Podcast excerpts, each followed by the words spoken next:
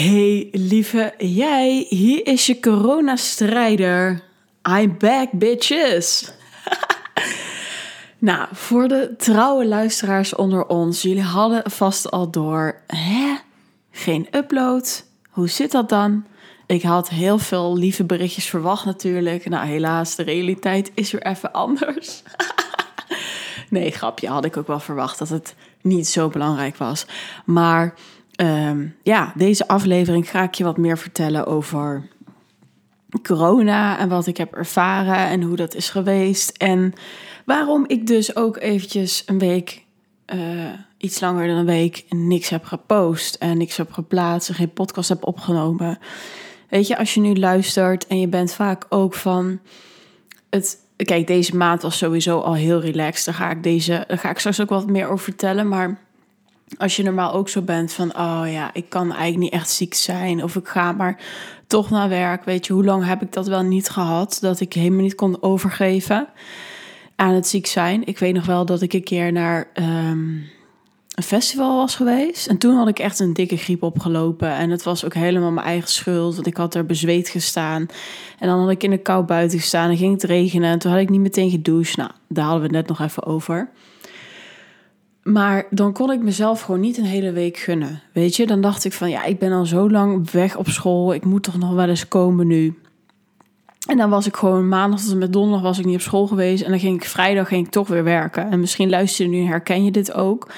Ik denk het allereerste belangrijkste wat ik deze keer echt heb mogen zien is, weet je, als je iets hebt of als er, in dit geval bij mij was het corona, maar ook als je een griep hebt, van mag je jezelf die rust gunnen? Want dat is toch zo belangrijk dat je jezelf het herstel gunt, dat je jezelf de rust gunt. En het is een heel mooi proces in principe, want ik zit nu in oktober. Oktober was echt mijn, ja, hoe zeg ik dat? Rustig aan, totaal, totale overgave, loslaten van alles wat, wat er tot nu toe was. En uh, wat ik had neergezet met mijn bedrijf. En uh, hartstikke eng dus, want net het loondienst. En dan denk je, hè, ik had toch iets wat helemaal mijn ding was. En dat voelde niet meer zo. Dus dan mocht je alles loslaten. En eerste deel van oktober heb ik best wel veel innerlijk werk gehad. Ook met mijn coaches. En toen op een gegeven moment kwam er weer een festival aan. en ik weet nog wel dat ik in die week daarvoor had gezegd van weet je ik ben eigenlijk best wel klaar met, uh, met een beetje afwachten, een beetje die onzekerheid van ja, ik, ik, ik wil het eigenlijk gewoon graag krijgen, corona. En misschien zijn er wel meer mensen die hier naar luisteren en die dat ook wel herkennen van als je nog niet gevaccineerd bent omdat je geen vaccinatie wilt. En ik had zoiets van ja, weet je, ik, ik weet gewoon dat ik gezond genoeg ben. Ik heb mijn energetisch goed neergezet. Laat het me maar gewoon krijgen. En uh, dat is wel heel erg leuk. Mijn beste vriend noemt me ook het prinsesje dat alles krijgt. Want letterlijk alles bijna wat ik uitspreek, dat krijg ik dan ook. Nou was dit natuurlijk niet de hoogste frequentie. Dus dat is misschien ook logisch als je zoiets wenst, als je dat dan ook krijgt. Maar op het festival, weet je, ik was, uh, ik was sowieso keihard ongesteld. Ik zat helemaal niet lekker in die partysfeer. Ik was eigenlijk kapot moe. En ik merkte toen al op dat feest dat oh, dit gaat helemaal niet lekker, joh. En ik, ik was echt moe echt, echt moe. En toen, uh, zondag ging het wel oké, weet je, een beetje geslapen. Ik had nog een mooie uh, masterclass van iemand, een ademsessie, hypnose sessie gehad, waar ik echt super diep was. Maandag was het nog maar openomen geweest en dinsdag voelde ik, het gaat echt niet lekker. Wat is dit?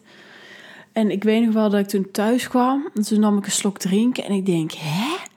Dit proeft helemaal niet naar spa fruit. Dit is totaal iets anders. En toen dacht ik al, hmm, een van de coronaklachten is of kan zijn dat je anders gaat proeven, dat dingen anders smaken. Dus toen dacht ik al, nou ja, het zal wel niet.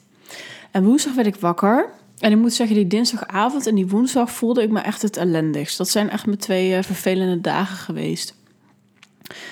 Ik werd wakker en ik dacht, nee joh, was aan het hoesten, verkouden. Ik voelde me niet lekker. Ik had de hele nacht liggen zweten. Dus koortsig. Dus ik denk, ja, weet je, het zal wel weer een griepje zijn. Dat dacht ik alweer. Hè? Van het zal wel weer niet. Het zal wel gewoon een griepje zijn. Dus ik GGD gebeld, meteen laten testen. Nou, en donderdagochtend zag ik de uitslag. Keihard positief. Dus thank you, thank you. Ik ben echt een manifesteerder. Je wil niet weten. Ik krijg ook steeds meer vertrouwen daardoor van, joh, alles wat ik vraag, dat komt. Alleen soms is het heel snel en soms duurt het gewoon wat langer. Dus dat is ook wel iets positiefs eraan. Dus ja, ik heb het gehad, jongens. En weet je, ik denk dat voor iedereen dit anders is. En uh, nou, je luistert hiernaar, je bent ook spiritueel. Wat ik gewoon heb met ziekte is dat het ons ook weer iets wil laten zien. En dat kan tot heel heftig. Hè, dat kan naar, um, hoe heet het? Het kan naar echt, echt erge ziekte, hè, kanker. Ik geloof ook dat daar een boodschap in zit. Of dat dat niet voor niets ontstaat. En uh, dat kan iets heel kleins zitten, corona. En de reden waarom, denk ik, corona bij iedereen anders aanslaat. Dus de een die ligt inderdaad op de intensive care en de ander die heeft er niet eens last van. Dat is ook weer hoe goed zorg ik voor mezelf? Wat, wat zit hieronder? Wat, wat is het een les wat ik ook nog mag leren? Daar geloof ik echt ten diepste in. Ik geloof dat ziekte ons altijd iets wil laten zien. Maar goed, ik zei het al, de eerste twee dagen waren eigenlijk het, het kutst. En daarna ging het vanzelf beter, behalve dat ik gewoon wel een week moe ben geweest. En weet je, ik had, wat ik al zei, ik had best een podcast op kunnen nemen. Of ik had misschien wel iets kunnen doen, maar dan was ik daarna nog tien keer moeier geweest. En ik vond het een hele mooie les dat ik echt heb mogen leren. Ziek is ziek of je bent moe. Hè, want moe kan je ook denken, ja weet je, je bent moe, dat kun je ook zeggen. Dat denkt mijn brein dan. Nee, dat is echt zo. Geef er een over. En wat merkte ik weer dat ik maar aan had overgegeven? Dat het gewoon veel sneller. Het was weer veel sneller dat ik, wat ik meer energie krijg. Hè? Dus door het toe te geven, joh, ik ben gewoon moe, ik geef er een over, had ik uiteindelijk meer energie. Niet met de gedachte van, als ik dit nou doe, dan krijg ik meteen meer energie. Nee, gewoon let it be en ik zie wel hoe lang dit gaat duren. Dus dat was heel mooi mee te maken en dat er ook zo'n les in kan zitten. En um, het enige wat nu is, want het is nu eigenlijk ben ik twee weken, uh, hè, ik ben al wel een aantal dagen in corona vrij en dan twee weken echt geleden kreeg ik het. Um, het enige wat ik echt naar vind is dat ik dus niks ruik en niks proef. En dan is dat wel lekker als je, als je beste vriend en je vriend zitten te ruften op de bank en dat je denkt, ja, ik ruik niks. Of ik zelf, weet je, het boeit hebben niet. Maar het eten, het is echt, weet je, het laat me ook weer zien hoe lekker het is dat je gewoon normaal altijd alles proeft en hoe lekker de dingen zijn. Weet je, er gaat een wereld voor me open. Dus dat ook weer, waarschijnlijk komt het dat mij dus ergens brengen. Uh, want hoe keek ik naar eten? ik zie dat echt toch zo groot. Alles is eigenlijk een spiegel, hè, wat we in onze omgeving zien. Van hoe keek ik naar eten? En wat is eten nou eigenlijk voor mij?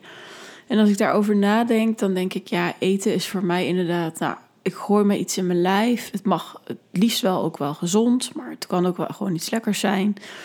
En ik heb daar niet zo de passie voor. Ik heb ook niet zo de passie om helemaal te moeten koken. En ik geloof ook, weet je, soms is het aan de een besteed en de ander niet. En dat heb ik een beetje met dat koken.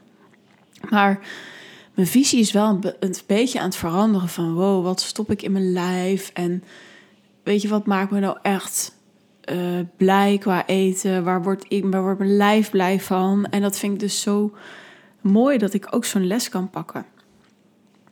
Dus dat is wat, ik graag even met je wilde delen. Van weet dat het, weet je, of je nog gevaccineerd bent, ja of de nee. Um, het, het, en je krijgt het, weet je, er zit altijd iets voor je in. Hè? Er zit ook altijd weer iets voor je in van hey, hoe ga ik met mezelf om? Helemaal als het met ziekte over, daarover gaat. En weet je, ik, ik, ik wist ook al, als ik het zou krijgen, dat het rond die ongesteldheidperiode zou zijn.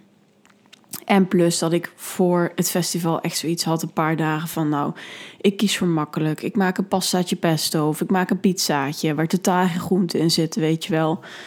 Ja, ik heb gewoon echt mogen zien hoe belangrijk dat is. Want ik ben al een paar keer op mijn feest geweest of met mensen die zelfs corona hebben. En daar ben ik niet van uh, ziek geweest toen. Omdat ik daar veel sterker was of echt het idee had van nou, ik krijg het niet. En nu vraag ik het en dan kan ik het dus krijgen. Dus ja, dus dat was mijn update. Ik ben ook helemaal weer terug. Want in de tijd met het overgeven en het loslaten ben ik wel echt achter weer een diep verdieping gekomen met mijn missie en waar ik heen wil. En in deze podcast is er natuurlijk alle ruimte voor om straks ook de mooie plannen met je te gaan delen, maar ook de toffe dingen die ik ga doen. Het is nog totaal niet concreet, maar dat vind ik ook helemaal niet erg. En uh, ja, het is heel fijn dat als je echt durft over te geven, dat er zoveel moois ontstaat. Alleen dat moet je wel echt durven. Oké, nou dank je weer voor het luisteren. Dikke kus en ik spreek je morgen weer als het goed is. Ja, we gaan het gewoon weer blijven doen. Doei!